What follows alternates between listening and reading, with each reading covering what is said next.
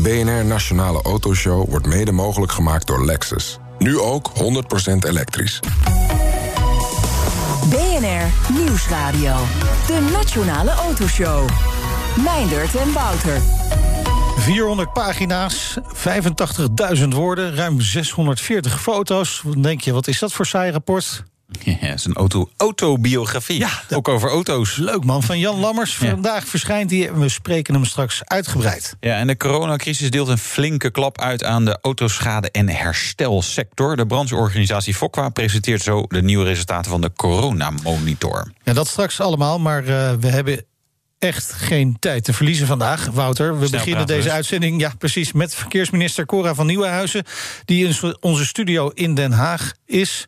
Welkom in de uitzending. Ja, goedemiddag. Ja, Ik heb er wel hier op scherm, dat is dan wel weer grappig. Er staat gewoon een camera op de minister. Ja, ik moet om het hoekje kijken. Jij moet om het Dus hoekje scherm. kijken, ja. Ja, ik zie jullie niet. Dat Nee. is dan wel weer Ja, jammer. ja, ja. Dat is onze geheime truc. Ehm, vandaag zijn de plannen voor het MEERT, hè, het meerjarenprogramma Infrastructuur, Ruimte en Transport, vrijgegeven. Dus misschien niet voor iedereen een even bekende term, dat MEERT. Kunt u uitleggen wat het precies inhoudt? Nou, dat is eigenlijk het totaaloverzicht van eh, welke investeringen we eh, in infrastructuur in het komend jaar gaan doen. En dat zijn hele grote projecten, dat zijn kleinere projecten. Dat is echt eh, per regio opgesplitst. alles wat er het komend jaar geïnvesteerd gaat worden. Kunt u een paar voorbeelden nemen, geven van een, van een aantal van dat soort projecten? Nou, eentje die wel erg in het oog sprongen, waar ze in het oosten erg blij mee waren, eh, is de N35 in eh, Overijssel. eh, waar nou jarenlang over gesproken is.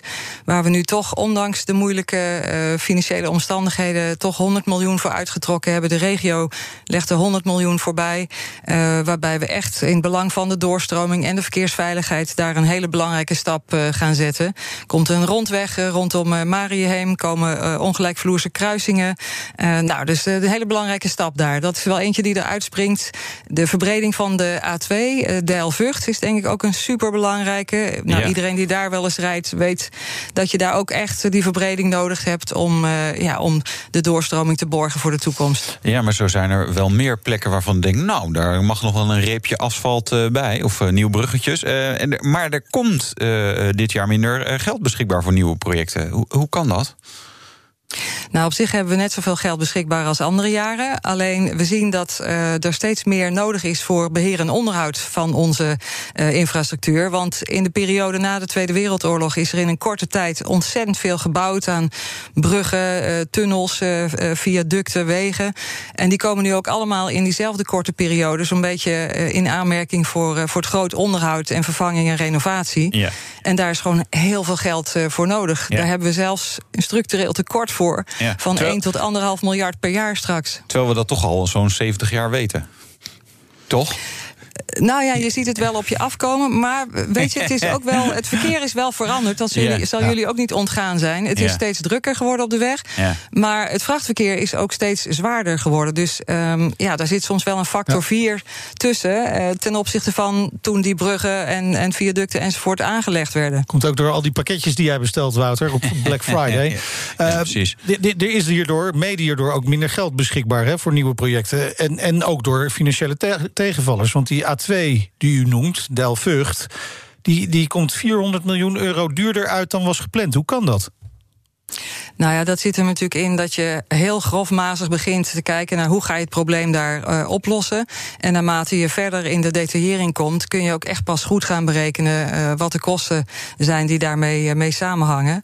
En je wilt het wel op een zo goed mogelijke manier ook inpassen in de, in de omgeving. Ja, en vandaar dat er dan toch dit prijskaartje aan hangt. Maar vanwege het grote belang voor de doorstroming van juist ook die belangrijke verkeersader, ja, hebben we toch dat geld er ook voor uitgetrokken. Is, is dat ook een kwestie van, van als je het doet, moet je het goed doen? Zeker, want het moet ook verkeersveilig eh, gaan. Eh, je wilt het ook eh, nou, gewoon aan alle eisen laten voldoen ten aanzien van geluid. Hè, dat je de goede soort asfalt er neerlegt. Nou, netjes inpassen. Het moet gewoon aan alle kwaliteitseisen van nu ook voldoen. Ja, eh, eh, dus dat is op zich mooi. Maar eh, inmiddels is er, is er sprake van een tekort van anderhalf miljard euro voor beheer, onderhoud eh, van wegen, bruggen en tunnels. Dat is best een bedrag. Wat voor gevolgen heeft dat?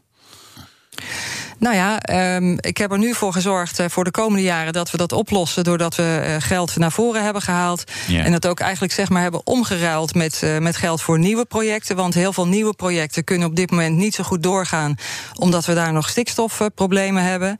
En om nou toch te zorgen dat die tijd niet verloren gaat en dat we vooral ook de grondweg- en waterbouw wel aan het werk houden, compenseren we dat nu met, met extra onderhoud te doen. Maar een volgend kabinet zal echt meer geld uit moeten trekken voor infrastructuur. Want anders heb je geen geld meer straks voor nieuwe aanleg en gaat alles naar beheer en onderhoud. Ja, maar, maar is dat dan ook echt nog wel nodig? We zien nu in deze uh, coronatijd, in de lockdown, dat we massaal thuis aan het werken zijn, grotendeels in elk geval. Uh, dat uh, het openbaar vervoer vrijwel leeg is. En het leven gaat in ieder geval deels wel door. Nou, we hopen natuurlijk allemaal dat die coronacrisis zo snel mogelijk voorbij is. We willen dan wel uh, natuurlijk het momentum uh, gebruiken. Hè, wat mensen nu gewend zijn met thuiswerken, willen we zeker ook nog proberen te continueren. Maar niet op de schaal zoals we dat nu doen. Hè, dat we tegen iedereen zeggen: je moet eigenlijk alles zoveel mogelijk thuis doen, behalve als het echt niet anders kan mensen willen toch ook weer een keer collega's zien. Dus één, twee dagen per week lijkt me straks reëler. Maar dus, we, we uh, weten dat er, eh, als je een klein percentage van de automobilisten uh, uit die spits haalt, hè, dat er geen files meer zijn. Of in ieder geval veel minder. En dat zien we nu ook gebeuren. Als die mensen inderdaad wat meer gaan thuiswerken, en ook op de goede dagen, dus niet alleen maar op woensdag en vrijdag, ja, dan uh, zal die file druk in ieder geval minder groot worden. Nou, dan dat voor zou je de denken coronacrisis. Als, dat zou je denken als dat de enige factor is. Maar er komt ook nog een stevige bevolkingsgroei aan. Jullie noemden net zelf al de pakketjes uh, vandaag op Black Friday. Maar ook op andere dagen. Mensen shoppen steeds meer online. Waar je vroeger in één keer de stad in ging en met vijf uh, verschillende pakjes uh, thuis kwam. Ja. En worden die pakjes nu met vijf verschillende busjes per dag bij de mensen thuis bezorgd. Dat is een trend die ook niet in één keer weg zal zijn na corona. En we moeten ook nog kijken of de mensen die nu bij wijze van spreken een tweedehands auto aan hebben geschaft. omdat dat ze het veiliger vinden in de cocon van hun eigen auto dan in het openbaar vervoer of we dat weer helemaal teruggedraaid krijgen. Ik hoop het natuurlijk wel, want het openbaar vervoer uh, is, is zeker in stedelijk gebied een, een veel beter alternatief. Maar dat is ook nog iets wat we moeten afwachten. Dus alles bij elkaar, als de economie weer aantrekt, meer verkeer. nou, er zijn zoveel redenen waardoor je ziet dat de mobiliteit gaat toenemen, dat we echt onze plannen keihard nodig zullen hebben. Ja, en, en, en dus, wat, wat, wat is er uh, aan, aan geld nodig? Wat moeten de volgende kabinetten gaan, uh, extra gaan uh, reserveren voor, om een beetje toekomstbestendig te zijn? Nou, ik zou zeggen, de, die structurele tekorten voor beheer en onderhoud, plus die bij, dan heb je weer in ieder geval de ruimte die we nu afgelopen jaren ook hebben gehad voor, uh, uh, voor nieuwe aanleg van, uh, van projecten. We hebben daarnaast het Groeifonds. We proberen ook nog wat uit het Europese fonds, het Recovery and Resilience Fund, zoals het zo mooi heet, ook richting infrastructuur te krijgen. Dus er zijn nog mogelijkheden genoeg. Ja, nou, ik ben vaak in, nu, niet, nu niet dit jaar, maar vaak Zuid-Europa geweest. En je ziet toch heel vaak, dit, deze weg is aangelegd met hulp van de Europese Unie. Dus er, er is daar geld te halen. Maar um, Mobiliteitsalliantie heeft gezegd jaarlijks 3 miljard euro extra nodig. Is dat een bedrag waarvan u zegt, nou ja, dat is wel ongeveer wat het zou moeten zijn? Nou, die berekeningen die zien er heel goed uit. En daar is dus uh, in ieder geval de helft al nodig voor, uh, uh, voor het beheer en onderhoud. Maar als je inderdaad kijkt naar wat er aan wensen zijn voor light rail in, in, in de Randstad. nou, wensen die er in de rest van het land zijn voor een lelielijn, in een, een brainport agenda. dan, dan zijn er nog heel veel wensen waar we denk ik met z'n allen graag invulling aan zouden willen geven. En dat kan alleen maar als er geld bij komt. Ja. Nou komen er ook verkiezingen aan. We weten nog niet precies welke partijen daar allemaal aan meedoen. VVD, uw partij ongetwijfeld wel. Uh, ste ja, steeds meer partijen pleiten voor, voor rekeningrijden in hun verkiezingsprogramma's. U was daar altijd, uh, ja, niet altijd een groot voorstander van. Hè? Is dat nog altijd het geval? Nou, waar wij heel erg tegen zijn geweest en nog steeds zijn, is een spitsheffing. He, want mensen die door hun werkgever worden verplicht om op een bepaalde tijd op hun werk te zijn, ja, die kunnen er niks aan doen. Dan kun je beprijzen wat je wil, maar dan moeten ze gewoon op dat tijdstip in die file aansluiten. Um, waar wij wel voor zijn, is het systeem wat je nu hebt van rekeningrijden, te weten per liter betalen aan de pomp via je accijns.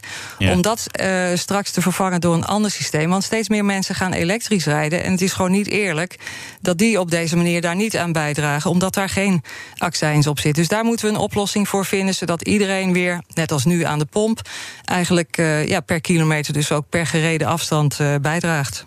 Dus het wordt rekening rijden voor elektrische auto's? Of wordt het dan. Voor iedereen dan. Voor, iedereen. dan. Ja. ja, kijk gewoon naar eh, de, de kilometertellerstand ja. bijvoorbeeld. Ja.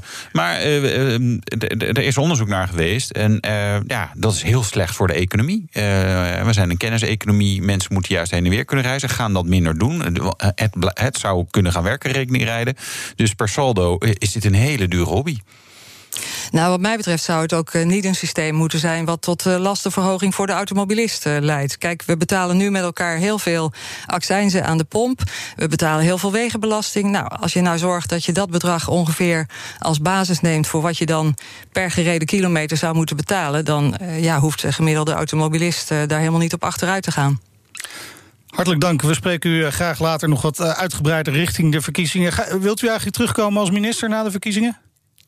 Uh, ik ben uh, zeker in voor, uh, voor een mooie bestuurlijke plek. Kijk aan, hartelijk dank voor nu. Cora van Nieuwhuizen, minister van Infrastructuur en Waterstaat. De Nationale Autoshow. Het zijn moeilijke tijden voor de autoschade- en herstelsector. Dat bewijst de nieuwe coronamonitor van de brancheorganisatie VOCWA. Femke Teling is directeur van de VOCWA. Welkom. Dankjewel. Fijn dat je er bent. Uh, jullie hebben onderzoek gedaan onder leden naar de impact van uh, de coronacrisis. Ja, te weinig impact, hè? te weinig uh, ja. bam, file. Oh, nee, hij remde net. Moeten wat meer obstakels ja, op de weg zetten. Precies, ja, ja, nou, ja, daar hebben ze in Rotterdam weer plannen voor. Hè? Alles oh, 30 km per uur en dan obstakels op de weg zetten. Dus dat zou goed zijn voor de Fokwa, denk ik. Um, maar goed, wat, die coronacrisis-onderzoek van jullie, wat, wat, is, wat, wat is daaruit gekomen? Nou ja, dat, dat de sector natuurlijk uh, hard geraakt wordt. En ja. dan maar eventjes in de metaforen te blijven. Uh, dat het ook heel erg verschilt. We hebben sector, uh, we hebben leden die doen specifiek auto. Ruitherstel. We hebben leden die, die zijn vooral bezig met het herstellen van campers, caravans. Nou, ik hoef jullie niet uit te leggen dat dat heel anders is. Hè. Ja, ja. Zeker met de recreatie dit jaar.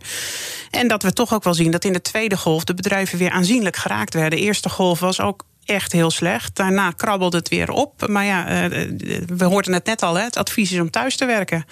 Ja, en ik, ja, als je niet rijdt, uh, maak je, rij je meestal ook minder schade. Meestal. Ja, meestal, hè? meestal. Sommige mensen krijgen voor elkaar ja. om niet te rijden, toch schade te hebben. um, maar ja, de, verschillen tussen die bedrijfstakken, hoe groot zijn die verschillen? Nou, wat je ziet is dat auto-ruitherstel, die heeft ook gewoon, daar merk je ook gewoon als je een, een slechte winter hebt, dus veel, veel vorst in de winter dat de wegen slechter zijn, meer steenslag. En dat is eigenlijk heel, heel goed voor ja. onze sector. Het klinkt altijd een beetje, ja. een beetje vervelend om te zeggen. En die hebben ook nog eens een keer gehad dat in maart de uh, kilometer, uh, het is van 130 kilometer naar 100 kilometer ja. per uur is gegaan. Hè. Dus scheelt daar, dat zoveel? Ja, ik denk het wel. Want je ziet minder file op de. Je, je ziet minder file. Mensen rijden minder dicht op elkaar. Je hebt een, een, ja, een zachte winter gehad. Uh, en dat is voor de steenslag echt aanzienlijk. we zien het gewoon echt dat die het zwaarder hebben dan uh, gewoon autoschadeherstel. Oh ja. Ja, bizar. Had je nooit over nagedacht natuurlijk. Ja, niet op die, nou, die 130 en 100 kilometer had ik niet zo heel erg verwacht. Nee? Nee. Nee, maar je kan je voorstellen, steenslag, hoe harder ja, je rijdt... Nee, dat, dan, precies, die uitleg die begrijp natuurlijk ik. Ook, ja. Uh, ja. En, en, hoeveel procent minder is uh, ruiterstel dan? Uh, ruiterstel gaat tot ja, tot 37 procent minder. Ja. En, uh, maar ook daar zie je gewoon grote verschillen tussen bedrijven. We hebben bedrijven waar het nog best wel oké okay gaat. Ja. We hebben ook bedrijven waar het slechter gaat. En je moet je ook realiseren ja. dat wij bedrijven hebben die bijvoorbeeld veel leaseauto's herstellen. Nou, we zien vooral dat de leaseauto's echt minder, uh, aanzienlijk minder rijden dan nou, iemand die gewoon dagelijks naar zijn werk moet omdat hij in een fabriek werkt. Ja, ja. en de creatieve ruitschadeherstelondernemer die, die strooit gewoon wat grind bij hem in de wijk. En dan heb je ook wat meer ja steenslag. Ja, precies. Ja. Of wat, vuur, wat vuurwerkbommen, dat ja, kan ja, ook dat, nog. Ja, precies. Maar, uh, dan betekent dus ook dat er uh, bedrijven zijn die uh, verlies leiden. Ja, absoluut. Hoe zijn, groot is dat percentage? Nou, toch wel een kwart van onze, van onze leden geeft wel aan dat zij op dit moment verlies, verlies leiden. En dus eigenlijk, ja, en, en, dan begin je aan het begin van de coronacrisis in, in maart met nog wat vet op de botten. Maar hoe langer dat duurt, ja, uiteindelijk is je vet op. En Ja. dan, eh, dan houdt het op. En dat, dat vinden wij wel een groot risico. Je hoort natuurlijk eh, toch in Den Haag wel geluiden om eh, de steun aan ondernemingen af te gaan schalen. Ja. En minder steun. Terwijl wij zien dat de bedrijven eigenlijk nu de Juist steun nu nodig juist hebben. heel Ja. hard nodig hebben. Want het duurt gewoon veel langer dan we allemaal gedacht hadden. Want, want wat gaat er gebeuren? Gaan bedrijven ook echt failliet? Moeten ze inkrimpen? Werknemers ontslaan? Ja, je ziet dat eh, een, een deel, eh, dus 11% van onze leden verwacht ook dat zij eh, personeel zullen moeten ontslaan. Tegelijkertijd zien we ook weer bedrijven die denken, nou, misschien moet ik op termijn weer personeel aan gaan nemen. En dat, dat is de onzekere factor. Niemand weet hoe lang het gaat duren. En niemand weet ook of we op termijn met z'n allen structureel minder thuis gaan werken. En dus de vraag is of het ooit terugkomt op het oude niveau. O- ooit wel, denk ik. Nou, dat weet ik niet. Ja, nou ja. Nou ja, wat je nu ziet gebeuren, hè, is dat eh, nieuws ook van, van deze week, dat eh, het OV met 10% wordt afgeschaald. Mensen kopen meer auto's, hè, in ieder geval tweedehands Ja, auto's. Er wordt misschien wel meer gereden in de toekomst. Ja, maar tegelijkertijd is ook de verwachting dat we met, alle, met z'n allen in de toekomst meer gaan thuiswerken. Ja, ja precies. Maar er, er zijn ook geen files, dus we rijden harder, dus meer steenslag. Ja, ja. Dat is allemaal gunstig. Ja, maar weet je, de meeste schade wordt toch nog steeds gereden bij Ja. het parkeren hoor. Ja. Dus, eh, en vooral mensen met parkeersensoren kunnen. Oh ja? eh, ja, de- uiteraard. Die hè. denken Dus, eh, allemaal dat ze veilig zijn. Nou ja, en, en je moet je ook voorstellen, als je met een hoge snelheid op de snelweg rijdt, is de vraag of er nog veel te herstellen is aan zo'n auto. Nee, dat is en de waar. meeste, eh, dus voor ons, en dat klinkt eigenlijk een beetje raar eigenlijk, maar in onze sector merk je het gewoon als er minder gereden wordt. En ehm, ja. Maar dan zou je ook bijna denken, dan is ook, ook juist het fun shoppen zou, is voor jullie sector heel goed. Hè? Dat, eh, doe maar even het stereotype moeders, de vrouw rijdt de stad in en dan komt ze nooit en dan oeh, moeilijk met parkeren. Of vaders, de man. Nee, we hebben dat is een onbekende stad, eh, te, Zeker. te Ja, ja, ja. krappe parkeer, Krappe eh, parkeer- garage en dan hoppakee. Ja. Eh, je halve zijkant eruit. hè, dat is Er wel even een winkelwagentje achter je auto. Ja, ja, ja. Of een fietser die je niet zag aankomen, absoluut. Ja, Ja. Nee, maar dat, eh, ook dat zijn dingen die impact hebben. hè. Dus de, de route die je goed kent, ja, die, die is, eh, da- daar weet je wat je gaat, eh, gaat verwachten. Maar men- je ziet dat eh, ja, op dit moment mensen gaan niet naar pretparken, gaan geen uitjes maken, gaan Nee. niet in de stad shoppen. Nee. Dat zijn allemaal factoren die meewegen. En dan, dan zie je dat onze, onze bedrijven gewoon eh, 22% minder orders hebben op dit moment. Gewoon letterlijk 22% minder werk wat er binnenkomt. Ja. En dat ja, was Ja. in de eerste golf nog iets meer. Maar het is nog steeds heel veel. Maar, maar zeg je dan ook dat het perspectief op de middellange termijn ook niet gunstig is? Nou, ik verwacht dat we op langere term- middellange termijn, weet ik het niet. En ik denk op langere termijn sowieso is de vraag ja, of het gewoon ooit weer naar 100% terug gaat keren. Dat, dat, tegelijkertijd worden alle auto's uitgerust met. eh, ADAS, hè, systemen om te zorgen dat je minder aanrijdingen hebt. Nou, Ja, dat maar zijn goed, allemaal we, we rijden allemaal eh, occasions hier in Nederland bijna. Er worden dat bijna geen nieuwe mee, auto's hoor. verkocht, toch? dat wel, nou, in deze periode niet. Maar eh, Ja. ik, we- minister van Nieuwenhuizen zei het net wagenpark ook. is hè? oud in Nederland. Relatief. Ja, we, we rijden steeds langer met een, met een auto rond. Hè. Dus dat, dat, dat is aan het veranderen. Ja, en ik denk ook wel dat corona daar ook nog wel... eh, ja, hè, ik kan me voorstellen dat, je daar, Ja. ja. dat dat ook wel zal, zal zorgen dat eh, mensen wat voorzichtiger zijn. Ook bedrijven met investeringen. Ja, ja, absoluut. Eh, Bedrijven, jullie hebben ook echt gewoon gevraagd van... goh, wat, wat uh, uh, liefschaderschuilbedrijf, wat, wat denken jullie? Hè? Ja. Er zijn ook wel percentages uitgekomen van Ja. wie moet er inkrimpen... of denkt te moeten inkrimpen, wat, wat, wat ontslagen. Wat, wat. Heb je daar wat cijfers van? Nou, je ziet dat 84, 84% van onze bedrijven nog wel denkt... we gaan het overleven na Ja. de sector. Betekent ook tegelijkertijd dat 15% het gewoon somber inziet. We zien dat 15% van onze bedrijven denkt dat ze moeten inkrimpen of het gaat verkopen. Ehm, ja, dat, dat zijn een beetje de cijfers. En wat ik zeg, 25% zegt eigenlijk op dit moment gewoon niet rendabel te kunnen draaien. Nee. Ja. Zijn ze eigenlijk niet gewoon nog te positief Ehm, in hun verwachtingen? Het, het, blijven, het zijn toch ook ondernemers die altijd een glas Ja, maar- minstens half vol zien. Ja, maar ze zijn ook creatief. En wat dat betreft zien ze natuurlijk ook wel, weer- wel weer kansen. En dat is ook mooi om te zien. Ja, ik, ik weet niet of het. Ik heb ook geen glazen bol. Ik weet niet of het positief of negatief is. Ik denk alleen wel dat ik blij ben dat heel veel bedrijven wel toekomst zien in deze sector. En eh, dat is ook belangrijk, ook voor het aantrekken van weer jongeren. Want die hebben Ja. we, we hopen wel dat die jongeren nu toch de keuze durven te maken voor ons vak. Anders hebben we straks weer een probleem. Worden allemaal pakketbezorgers, denk ik. Ja. Die rijden ook veel schade trouwens, Zo. pakketbezorgers. Ja, maar die rijden die- er gewoon mee Die door. zorgen ook voor veel schades hoor. Ja. Voor ook bij andere auto's die ja, uit moeten best, wijken. ja. En, eh, Dus nou, meer pakketjes bestellen. Eh, ja, maar die Slecht voor de heel wegen. vaak niet niet te, te laten maken. Ik zie toch gewoon echt. Ik, Nee, je ziet zie dat- nooit een bezorgbus zonder schade. Nee, bijna niet. Nee. Nee, dat, nee, maar dat klopt. Je ziet in sommige sectoren dat het heel eh, belangrijk is dat je een, eh, een, een prachtige auto hebt of een prachtig busje hebt. En de andere ja. vinden ze het minder de belangrijk. is het. Ja. En terwijl wij denken, ja, en met even los van of het er mooi uitziet, je moet ook gewoon kijken naar dat het Ja. veilig is. Zeker als al die eh, eh, auto's allemaal leuke sensoren hebben, is het toch wel fijn als ze het blijven doen aan schade. Wa- wa- Wat hebben deze bedrijven nodig om eh, gezond de toekomst in te gaan?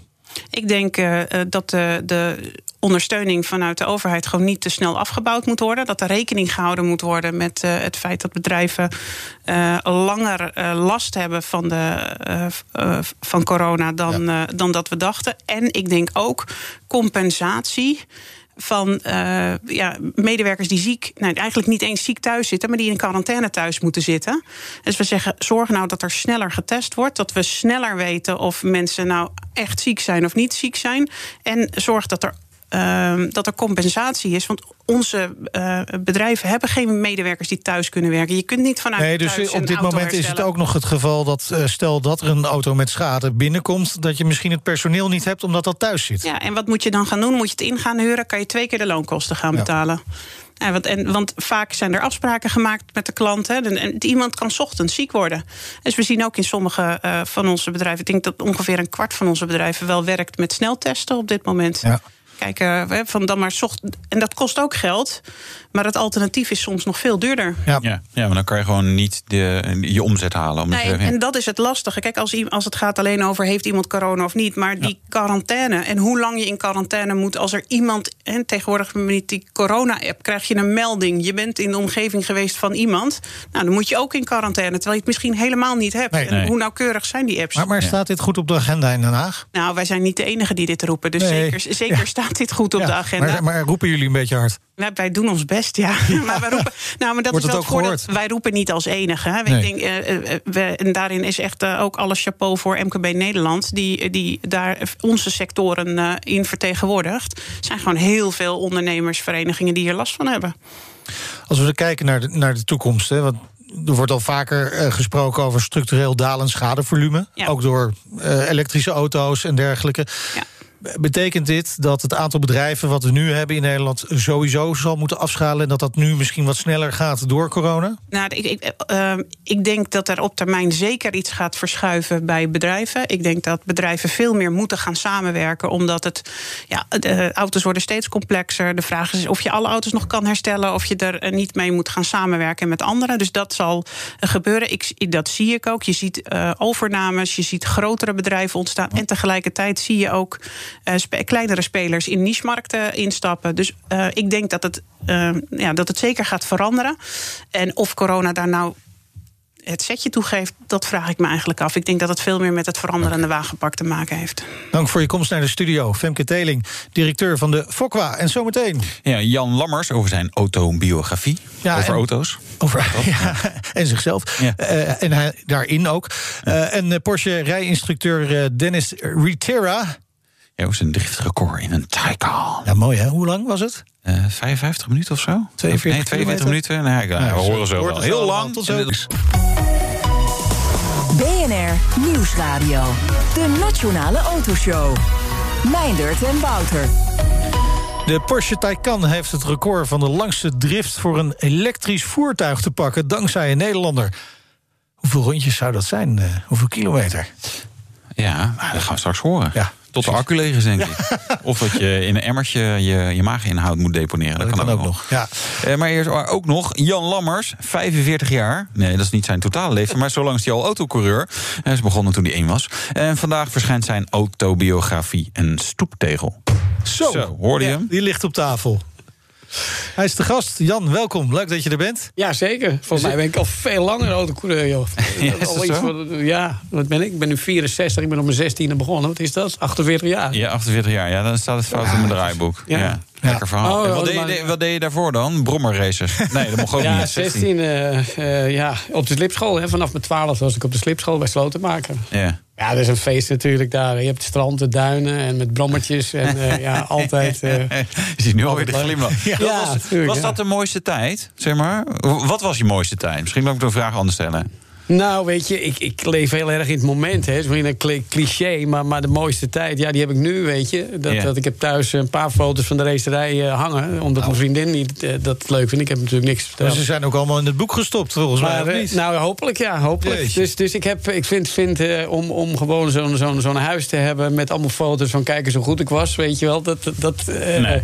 nee. dus ik vind het heerlijk om gewoon met het nu bezig te zijn en zo. Maar dus, dus Dat vind ik dan toch wel bijzonder. Hè? Want je bent eigenlijk best bescheiden. Je relativeert heel erg, ook nu weer. En dan zo'n dik, knalhard boek. ja, nou met weet je... Dat, waanzinnig veel mooie foto's erin. Waarom? Ja, ik heb natuurlijk altijd. Hè, Nederland was voor mij natuurlijk één groot warm bad. Eh, ik was, was natuurlijk. eh, ooit was ik, eh, werd ik omschreven als de held van het brommenvolkje. En, en dus je wordt eigenlijk gewoon een beetje geadopteerd door al die racefans en die raceliefhebbers. Dus dit is dan het moment in ieder geval om wat terug te doen. Het is ook natuurlijk wel. Hè, jullie kennen Mark Koensen ook natuurlijk. Hè, die is ook van tijd tot tijd. Nou, en Mark is ook iemand die geen dingen half kan doen. Dus we hebben echt ons best gedaan om, om, om er iets moois van te maken. En ook die fans die, die toch altijd eh, gewoon hartstikke sympathiek en leuk geweest zijn. Eh, van de media ben ik ook altijd verwend. Ja. Dus ja, je wil er iets terug doen. maar, maar hoe lang is je aan gewerkt, joh? Want het is echt... Nou, ik denk dat eh, een jaartje of twee geleden, toen begonnen we eh, met het idee. En toen is Mark samen met Erik Verkijk, hè, dat zijn volgens mij die twee mensen bij elkaar. Ja, meer verstand van autosport in Nederland krijg je niet bij elkaar. Nee. Dus, dus ik bel Mark af en toe om te vragen hoeveelste was ik hier of daar, weet je wel. dat, eh, maar eh, ja, weet je wat het ook is? Dat, dat eh, hè, je zegt net van, van wat is je mooiste tijd? Kijk, voor mij zit het allemaal aan elkaar vast, weet je. Ik, eh, Je als lijkt gewoon een heel mooi leven. Ja, het is geweldig. Ja. En eh, wat, wat er nu de laatste paar jaar gebeurd is, is natuurlijk ook onbeschrijfelijk leuk. Dat in één keer zo'n Grand Prix letterlijk in je achtertuin eh, valt. En dat je dan ook Ja. zo'n mooie, leuke functie krijgt. Ja, nou ja, valt, valt. Eh, ik heb, we, hebben, ze- we hebben ze nog niet zien rijden, Jan. Nee, natuurlijk, natuurlijk, natuurlijk. Maar eh, ze hebben op een hoop in Monaco hebben ze dit jaar ook niet gereden. Dus Nee, dat dus betreft, het, het, het komt goed. Je bent in we een goed gezelschap. goed gezelschap, goed, ja. ja, goed Ja, rijtje, ja. wat dat betreft. Eh, Ja- Jan, ik zag net die foto van die Volvo 850 in de, de Ik dacht, oh, dat was gaaf, zeg, met die estate racen. En toen, jij zei iets heel anders. Dat Ja. vond je niet je mooiste tijd, of wel? Nou, weet je, ik kwam net natuurlijk uit allemaal eh, bloedsnelle mooie auto's. En Ja. toen eh, zei... Hey, wil Tom- jij zeggen dat zo'n Volvo niet bloedcel en mooi Ja, is? is natuurlijk prachtig. Hè, dat ik bedoel, eh, nee, maar toen, toen Tom Walkershow die belde toen. Hij zei van nou, hè, ik wil eens met je praten over het komend seizoen, bla bla bla. En toen dacht ik Volvo, Walkershow en de fabriek zat er ook een beetje achter. Dus ik dacht nou, hartstikke leuk en noem maar Maar ik kan me nog goed herinneren dat ik in Snetterton de pitstraat uitreed. En ik had hem nog niet in zijn derde versnelling staan. En de tranen schoten er wat in mijn ogen. Want een voorwielaandrijver en eh, een auto die natuurlijk... Ja, ik was gewoon enorm verwend met prachtige auto's, weet je. En, Ja. en eh, ik kwam net uit die Toyota's. Ik had in 92 Had je ook nog een Golden Retriever achterin zitten, of Nee, niet? hou maar op. Maar, eh, nee, dus ik heb in 92 nog mijn laatste twee Grand Prix gereden, zeg maar. En, en dan is dat toch een enorme overstap. Dus, dus ik dacht, professioneel gezien was het heel leuk en was het interessant. Maar, maar qua rijden... En ik zou je vertellen, als je iemand met zo'n estate Volvo voorbij rijdt... Nou, dat, dat, dat eh, vatten mensen heel erg persoonlijk op, hoor. Dus die auto's die zagen er geaccepteerd. na iedere race rondom gewoon helemaal gesloopt uit. Want als je iemand inhaalde... Ja, nou, die stierf liever dan dat hij achter zo'n Volvo aanleef. Dus... Wel ja, gaaf, nee, eh, lekker knokken dan op de baan. ja. Dat is dan ja, wel weer was, leuk. was. Nou, ik heb wel een paar fantastische races gehad. En Ja. eh, Branch Hedge staat er nog even bij. Dat was ook een fantastisch circuit daarvoor. Dus het was echt heel erg leuk. Laten we even teruggaan naar eh, het begin. Hè? Want je was nog piepjong toen je een baantje kreeg bij anti-slipschool eh, van eh, Rob Slotenmaker op circuit Zandvoort. Een mooi fragmentje van. Nou, ik was negen jaar en toen ben ik je dus gaan vragen of ik hier mocht helpen. Auto's was en zo. Nou, en toen eh, zegt Rob tegen mij, nou ga maar vragen. En die jongens, er waren paar jongens en auto's was of je mag helpen. Nou, dat ging ik vragen. Toen mocht ik dus helpen. En eh, hij dacht, nou ja, zo'n kleutertje, is volgende week weer weg. Maar nee, hij bleef. Het lijkt me echt bizar om dit zoveel jaar later nog een keer te horen van jezelf. Nou, je hoort ook wel dat, dat mijn eerste vriendinnetje uit Amsterdam Ja. kwam. Hier verderop uit de Rijnstraat. Joke, Joke Ansems. En eh, eh, ook een fantastische leuke tijd mee gehad. Maar ik ging natuurlijk heel erg met het Amsterdamse vol eh, om. En dat hoor je dan ook Ja, wel dat uit is, aan mijn stem. We horen wel iets van leuk, de. Ratio. Maar hoe belangrijk was Rob Slotenmaker voor jou? Ja, gewoon uh, cruciaal. dat was gewoon, uh, dat, dat is voor mij uh, de, het fundament in, in ja, het fantastische leven. Wat ik nog steeds iedere dag natuurlijk met plezier leef. En met, het was een fantastische wisselwerking op die slipschool. Hè. Je, geeft alles en je verwacht niks terug. dus je werkt gewoon lekker hard. Nou, als dank mocht je dan af en toe een beetje slippen. En hij leerde het je ook, weet je. Het is niet zo van ga maar wat doen. Dus, dus ja, ik ben echt wel, wel heel erg geschoold als autocoureur. Hè. Ik vond ook naderhand niet dat ik een excuus had om bepaalde dingen niet te kunnen. kijk, nu zou ik een excuus hebben. Want, want mijn zoontje, mijn jongste zoon, ik heb drie geweldige kinderen. Maar en mijn oudste is mijn dochter van 25. Ja. Dan een zoon, Jan van 22. En René, die is 12. Uh, eh, nou, die rijdt toevallig... Die is nu aan het rijden, hè? As we speak heb ik de live timing hier aan de gang. En, uh, die, die, uh, op zijn smartphone te kijken. Ja, hoe doet hij het? Dat ligt op het moment... Oh, de start is nog niet geweest. Nou, hij heeft voorlopig van de afgelopen zes heats... heeft hij er vier gewonnen en vier keer tweede. Dus bij een van de twee races staat hij op pole position. En die andere moet hij nog verwerken. Maar hij, heeft, hij is super goed bezig. Ja. Maar ja, die heeft inmiddels al, ik denk, zo'n 250 50 races gereden. En ik was nog bezig met langzaam de koppeling opkomen en gas geven op mijn twaalfde. Dus dat is een hele andere tijd die we nu hebben. Ja. Je zei, uh, is, is, jouw zoon dan ook beter dan juist? Een groter talent? Dat denk ik wel, ja. ja? ja. Waar Hoop je het ook? Uit? Nou ja, met hopen bereik je nooit zoveel. Hè. Ik hoop ook dat het morgen mooi weer komt. Maar, maar ik denk niet dat ik te veel aan kan veranderen. Nee, dus we zijn wel gewoon bezig om, om hem goed te maken. Weet je? Hij, hij, ik kan er allemaal fantastische verhalen over vertellen. Maar als hij niet wint, dan, dan, dan sta ik ook in mijn hem natuurlijk. En, en hij daarmee ook. Maar uh, het gaat gewoon om het presteren. Weet je? Het gaat gewoon om die uitslagenlijsten. En dan moet je gewoon bovenaan staan. En dat is hem al een heleboel keren gelukt. En, en de signalen die ik van de echte kennis terugkrijg uit die kartbusiness. Ja en de reacties voor de toekomst die zijn hartstikke leuk. Uh, dus so far so good. Hij heeft nog een hele lange weg te gaan. Maar, maar nogmaals, het gaat niet om het praten, het gaat om het presteren. Dus dit weekend kan hij eh, twee races in één klap uh, voor elkaar zien te krijgen. Dus, dus we gaan het zien. Dus even kijken. We hebben net de start gehad. Nou, er ligt nog tweede, dus dat gaat prima. Ik krijg hier wel een beetje een Jos Max gevoel van, uh, Jan. Ja, nou weet je, we, we, leren ook ontzettend veel van Max, weet je. En, en uh, je moet jezelf op, op een zeker moment geen enkele limitering opleggen.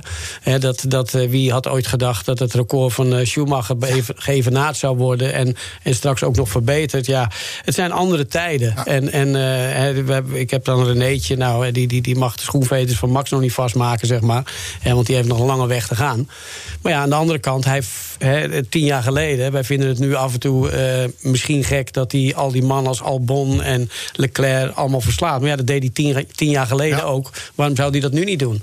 Nou, omgekeerd... Doet René dat nu ook? Helpt mij dat ook. He, dat ik denk van nou, hij hoeft niet tegen Max te rijden. Nee, als zijn soortgenoten meegroeien... dan heeft hij straks dezelfde mannen... waar hij het nu dan van kan winnen... moet hij dat straks ook doen. Even weer terug naar de tijd dat jij jong was. We hebben nog een leuk fragmentje gevonden, Jan. In het begin keek ik dus altijd uh, onder het stuur door, dus door die ring heen. En uh, ik heb ook een tijd gehad dat ik er precies tegenaan keek. Dat was wel een probleem. en uh, nu kijk ik dus net overheen. Hoe lang ben je nu? 1,61 meter, 61, precies te zijn. Maar het moet voor mooi nog iets langer worden, of niet? Nou, dat is niet nodig hoor. Nee? Voor de coureur is het dus uh, hoe lichter, hoe beter. Ja, het is nog steeds zo natuurlijk. Nou, ik ben inmiddels, uh, op mijn paspoort staat 1,68. Maar volgens mij zit er daar, zit daar een klein, uh, klein jokje bij ja, van een centimeter. Zwaartekracht die neemt En nog terug, even, dan ga ik krimpen. Dus dan ja, ja, ja, volgens mij vanaf je 40 of zo. Ik vrees dat het bij mij ook al is gebeurd. Ja, bij mij was het ook al een centimeter af. Dus nou goed. Gewoon je haar omhoog toepen. Ja, dat doe ik ook. Dat is een heel simpel webcam. Terwijl naar de kapper geweest, dus iets minder. Ik ben ook weer gedaald. Maar je hebt in, ja, beide alle raceklasses gereden. Natuurlijk ook in de Formule 1. Hoe, hoe kijk je daarop terug?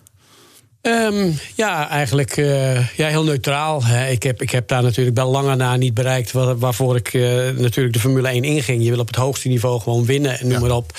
Maar ik kijk daar met een heel, heel tevreden gevoel op, op terug. Ik heb, ik heb geen uh, schokkende dingen gedaan. Ik heb geen podium behaald. Mijn beste prestatie was dan de, de, de vierde tijd in de Grand Prix van Long Beach. Nou, dat is leuk. Dat was, ik heb net genoeg gedaan om, om te legitimeren dat ik een serieuze aanval daarop deed. Uh, dus dus dat, dat is één. Maar daarnaast, um, kijk, als ik nu uh, twee, drie jaar lang, ik weet niet hoe vaak op podium had gestaan. en ik had tweede plaatsen gehaald en derde plaatsen. en misschien een keer gewonnen. dan had ik de kleren erin dat ik nooit een wereldkampioenschap gewonnen ja, had. Dus, precies. Je wil altijd een stapje over. Je, je hebt wel een record, toch? In de Formule 1? Uh, ja, ja, ik heb uh, volgens mij heb ik, uh, ik heb twee records. Die ene is dat ik tien jaar na. Na, na je laatste race, je ja, comeback. comeback. dat is wel een mooi record. Ja, aan ja. Andere, ja, daar kan je lachen over doen. Maar het is uiteindelijk ook wel weer gaaf dat je dan nou, heel, heel lang is... gestopt en nou, dan toch weer even terug. Nou ja, ik vind het, ik vind het een leuk, een leuk karakterstatement eigenlijk. Dat is lastig van jezelf te zeggen. Maar ik, vanuit de sportgedachte heb ik altijd zoiets van... nou, hoe onvermijdelijk, hoe onvermijdelijk een, een nederlaag ook lijkt... Eh, nooit opgeven. Ja. Eh, en op het moment dat, eh, of ik dat nou aan het voetballen ben of aan het racen... op het moment dat de fluit gaat of de vlag valt... dan kijken wat de stand is, maar tot dat, tot dat moment... gewoon je stinkende best doen. Dus uh, ligt op kop, nog drie rondjes. Hou, dus, hou ons, uh, ja. hou, hou ons een beetje actueel. Hou ons op de hoogte, inderdaad. hey, maar maar uh, zat er dan meer... want je bent in Formule 1 natuurlijk ook heel erg afhankelijk... van, van het materiaal waar je in rijdt. Ja. Het team om je heen. Had, had, zat, er, zat er meer in? Uh, nou, ik ben van mening niet. Ik heb altijd uh, gevonden dat, dat als je goed bent, dan kom je er. En als je er niet bent gekomen, dan heb je het ergens toch heb je tekort geschoten. Uh, want als je nu gaat kijken, sommige mensen die, die, die hebben 15, 20, 30 miljoen is soms nog niet genoeg ja, maar, maar, om een stoel. Nee, maar om dat heel even af te maken. Kijk, soms is, is tientallen miljoenen nog niet genoeg om een goede stoel te krijgen. en als je nu kijkt naar de twee meest indrukwekkende rijders in de Formule 1, dat, is, dat is natuurlijk Hamilton en Max. Ja. En dat zijn toevallig twee families die, die niet met geld erin gekomen zijn, maar puur op hun ja, prestaties. Precies, maar eh, Max was toch gewoon in de Mercedes al lang wereldkampioen geworden? Uh, ja, waarschijnlijk wel. Maar nogmaals, uh, als je ik, ik ben degene die dat het hardste geroepen heeft voor een hele lange periode. Maar uh, als je dat van Max kant uit, ja, als je dat niet gedaan hebt, mag je dat ook niet roepen. Ik kan ook wel zeggen, ja, met, met een Mercedes. Had jij misschien nog. ja, maar dat, dat soort dingen. Ik, ik heb daarvoor te veel respect voor, voor ja. gewoon mijn collega's en, en mijn ex-collega's. Dat, dat moet je doen. Weet je, ik, ja. Je weet, ik ben een enorme oude hoer en ik kan gratis, graag praten. Ja. Maar over prestaties, ja, daar moet je niet over praten. Dat, dat moet je gewoon leveren. Je laat het zien hoe niet. Nou, wat wordt dan voor, voor, voor Max wel een beetje de truc om, om. Wat moet hij dan doen de komende tijd? Want je kan zeggen, ja, je moet zo hard mogen rijden. Maar eigenlijk, eigenlijk is dat gekke politieke spel van waar moet je terechtkomen. Is misschien dan nog wel belangrijker. Nou, dat is, dat is ook een enorm strategisch spel. Hè. Dat, dat begint eigenlijk al op jonge leeftijd. Hè. Dat je, je moet echt uh, niet alleen bij het goede team zitten. Je moet het goede materiaal hebben. Maar je moet ook die goede monteur hebben. Ja. En als jij net bij een team tekent wat een fantastische reputatie heeft, maar die topmonteur die is net even ja. weggekaapt. En, en uh, dan, dan is dat natuurlijk, ben je net, uh, ja, dat is buitenkant paal, zeggen we dan. Hè? Dus ja, het is een enorme, uh, ja, fijngevoelig spel waar je goed in de gaten moet houden waar je zit. Hè? Of hoe je dat strategisch inplant. En ja, ik heb toch het idee dat, dat Hamilton er alles aan doet om ervoor te zorgen dat, dat Max niet naast hem komt te zitten. Dat, dat, ja. dat spel zal achter de schermen absoluut wel plaatsvinden. Maar, uh, ja, hoe, je zegt dat, en, maar hoe, hoe, waar, waarom zeg je dat? Eh, waar, waarom kan je dat zien?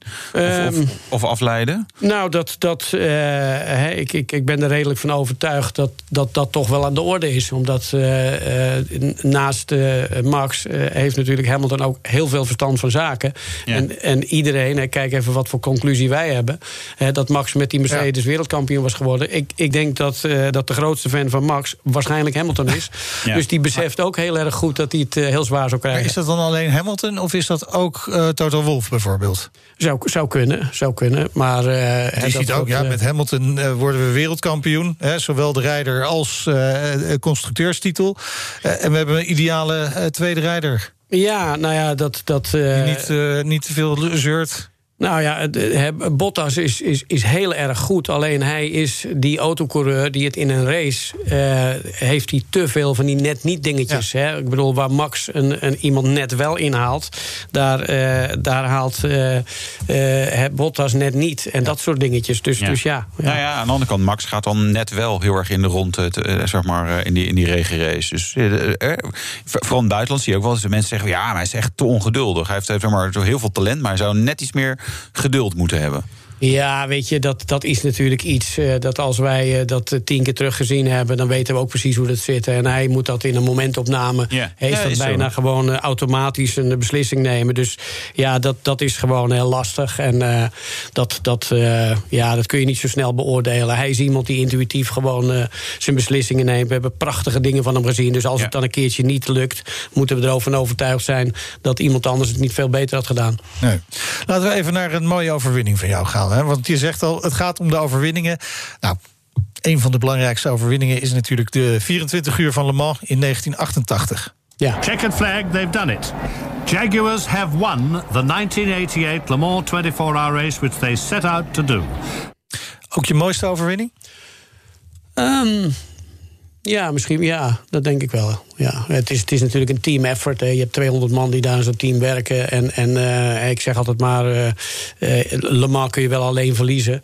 als ik hem de vangen in ja. dan kan ik hem alleen verliezen. Maar om te winnen, je hebt elkaar nodig. En het is een heel breed, het is echt een, een team, team effort. Zo voelt het ook aan.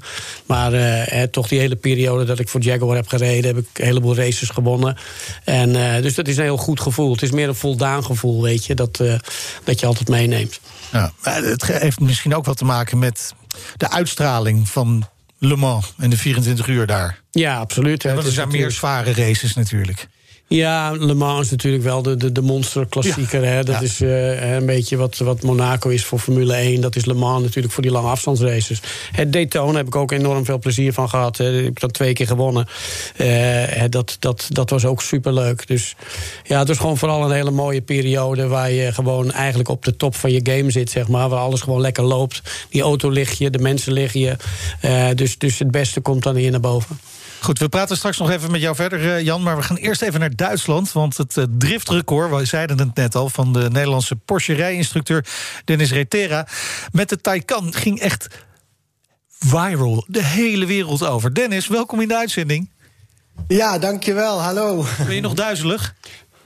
Ja, ik heb nog steeds een naweeën ervan. Ja. Nee, dat valt. 55 minuten lang driften, 210 rondjes, totaal 42 kilometer afgelegd met een gemiddelde snelheid van 46 kilometer per uur. Hoe hou je zoiets vol? Ja, concentratie is een stukje natuurlijk heel erg belangrijk. Uh, tuurlijk is 55 minuten best lang. Uh, mindset is daarin heel belangrijk. En, en gewoon goed geconcentreerd blijven. Uiteindelijk als je instapt en denkt... ik moet het nu 55 minuten volhouden... dan denk je van wow, hoe ga ik dat voor elkaar krijgen? Maar uiteindelijk als je, als je lekker in die flow zit... dan uh, ja, gaat de tijd eigenlijk toch redelijk snel. Ja, maar werd je duizelig? Of is het als je zo lang rondje draait... dan, dan, dan went je lichaam daar weer aan? Hoe werkt dat? Ik moet zelf zeggen, als ik, uh, als ik ernaast zit met lesgeven en iemand uh, remt vroeger dan ik verwacht, of laat de rem heel abrupt los, of andersom, dus doet eigenlijk iets waar, waar ik niet uh, van uitga, dan word ik, ben ik toch wel gevoelig, dan word ik dan toch wel snel misselijk. Maar oh, ik heb ja. er nu echt totaal geen last van.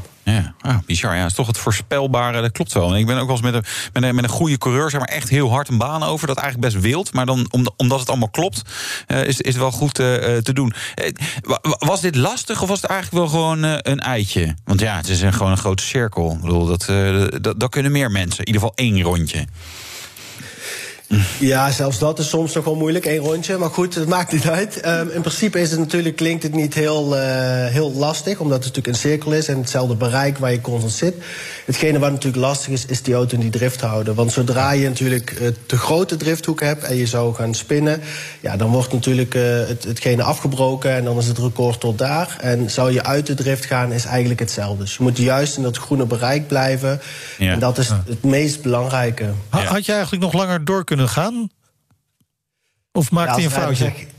Nee, nee, nee. Gelukkig, ja, gelukkig van mijn kant uh, was het zeg maar hetgene wat, uh, wat die 55 minuten uh, stopte, was op, op dat moment de batterij van de auto. Natuurlijk is het voor mij heel makkelijk om te zeggen, ik had nog makkelijk 55 minuten kunnen doen. Natuurlijk is het, is het wel, het vergt een hoop concentratie, maar ik had op dat moment nog wel door kunnen gaan. Of het nog 55 minuten waren, is, is natuurlijk moeilijk te zeggen nou. Maar um, ja, het, het, mooiste was geweest voor mij. Ik had eigenlijk gehoopt op de 60 minuten. Oké, okay, oké. Okay. Ja. ja, ja grote, dat is dan toch meer een grote uitdaging hè, om, om, om, dat te halen. Jan, is het iets voor jou? Uh, nou, uh, hi Dennis. Uh, hi elkaar.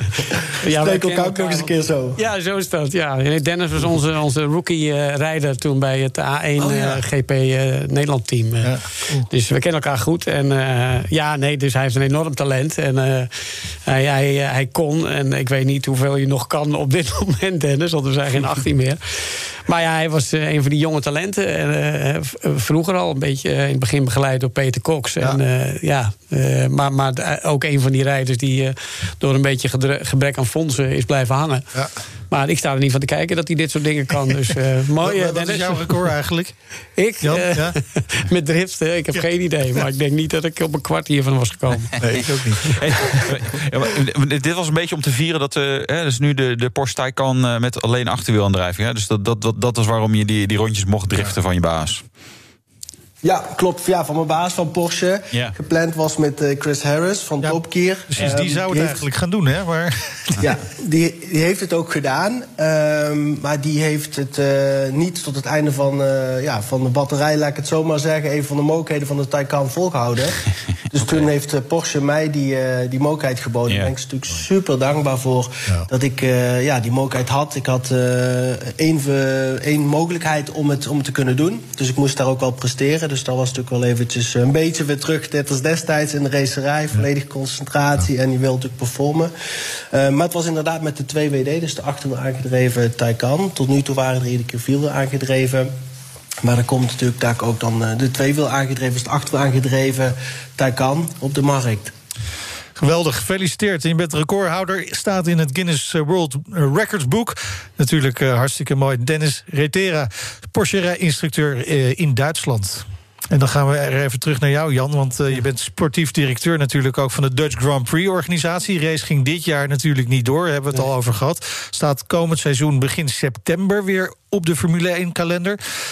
Dat is eigenlijk wel een gunstige datum, corona-wise, denk ik. He, vlak ja. na de zomer. We hebben ja. afgelopen zomer ook gezien dat het goed aan het uh, afvlakken was. Ja.